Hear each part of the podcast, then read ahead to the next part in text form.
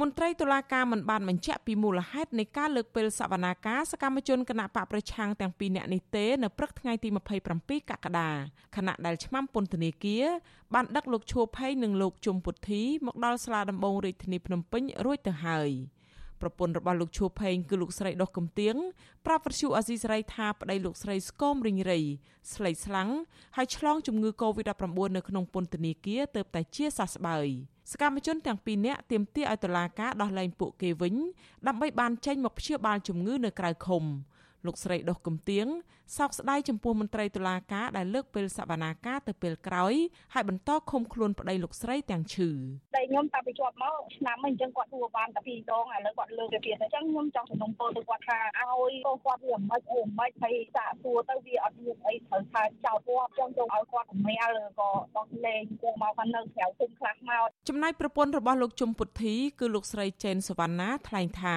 លោកស្រីក៏ខ្លោចចិត្តដែរពេលលោកស្រីឃើញសភាពប្តីត្រូវឆ្មាំពន្ធនាគារនាំមកតុលាការលោកស្រីឲ្យដឹងថាលោកជុំពុទ្ធីមានសភាពស្លេកស្លាំងនិងឆ្លងជំងឺ Covid-19 នៅក្នុងពន្ធនាគារដោយអ្នកជាប់ឃុំផ្សេងទៀតដែរលោកស្រីចាត់ទុកការឃុំខ្លួនប្តីជិត1ឆ្នាំមកនេះថាជាការធ្វើបាបដល់ប្រជាពលរដ្ឋស្លូតត្រង់ លោកស្រីទាមទារឲ្យបញ្ឈប់ការឃុំខ្លួនលោកជុំពុទ្ធីតាមអំពើចិត្តបន្តទៅទៀតអយុធធម៌មែនតើចាប់ឃុំខ្លួនគាត់រយៈពេល1ឆ្នាំអត់មានដំណោះស្រាយអត់មានសាវនាការហើយឃុំខ្លួននៅក្នុងពន្ធនាគារការហូបចុកក៏មិនគ្រប់គ្រាន់ទឹកងូតក៏មិនគ្រប់គ្រាន់ឥឡូវឡើងជំងឺសើស្បែកពេញខ្លួនហើយកុំហើយមកបន្ទូកូវីដខ្លាំងនោះបាតកម្មកូវីដ2នឹងស្លាប់ វិទ្យុអេស៊ីស្រីមិនអាចតាក់ទងแนะនាំពាក្យសាលាដំបងរាជធានីភ្នំពេញលោកអ៊ីរិនដើម្បីសូមអត្ថាធិប្បាយជុំវិញការលើកពេលសវនាការនេះបានទេនៅថ្ងៃទី27កក្កដា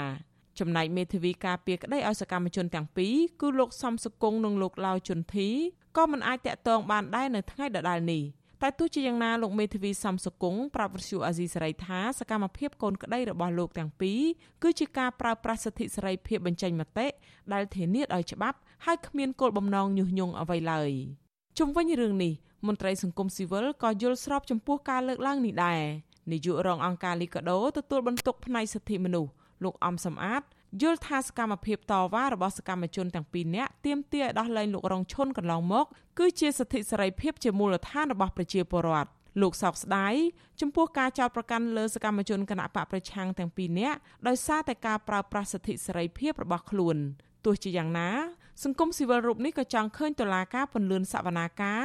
និងដោះលែងសកម្មជនទាំងពីរនាក់ឲ្យមានសេរីភាពវិញដែរគួរតែគុញមានសវនាការឲ្យបានដាច់ឆាប់ទៅដើម្បីទី1បើសិនជាសុខភាពត្រឹមត្រូវអានឹងតុលាការគួរតែពិចារណាផងដែរទៅលើស្ថានភាពសុខភាពរបស់គាត់ណាហើយបទហ្នឹងក៏ជាបទល្មើសប្រឆាំទៅទៀតអញ្ចឹងយើងដឹងថាពន្ធនាគារយើងឥឡូវហ្នឹងវាអាភាពជាគៀបណែនហ្នឹងវាច្រើនណាស់អញ្ចឹងក៏គួរតែពិនិត្យពិចារណាសម្រាប់ការដោះលែងណាមួយរបស់គាត់ណា នគរបាលបានចាប់ខ្លួនសកម្មជនគណៈបកប្រឆាំងទាំងពីរនាក់កាលពីដើមខែសីហាឆ្នាំ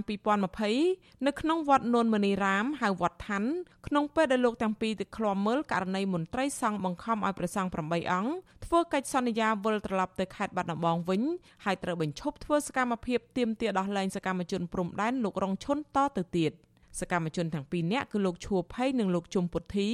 ក៏ជាអ្នកចូលរួមយ៉ាងសកម្មក្នុងការតវ៉ានៅមុខសាលាដំបងរាជធានីភ្នំពេញ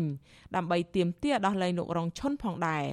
ពួកគាត់ត្រូវបាននគរបាលនិងតំណាងអัยការចោទប្រកាន់ពីបទល្មើសគឺបទញុះញង់ឲ្យមានភាពវឹកវរធ្ងន់ធ្ងរដល់សន្តិសុខសង្គមនិងបទផ្ដាំគំនិតញុះញង់ឲ្យមានភាពវឹកវរដល់សន្តិសុខសង្គម កន្លងមកអង្គការសង្គមស៊ីវិលជាតិនិងអន្តរជាតិជាច្រើនស្ថាប័នបានថ្កោលទោសចំពោះការចាប់ខ្លួននេះថាជាការធ្វើទុកបុកម្នេញផ្នែកនយោបាយនិងទាមទារដោះលែងពួកគេឲ្យមានសេរីភាពវិញជាបន្ទាន់ចា៎នាងខ្ញុំខែសុណងវັດឈូអាស៊ីសេរីរាយការណ៍ពីរដ្ឋធានី Washington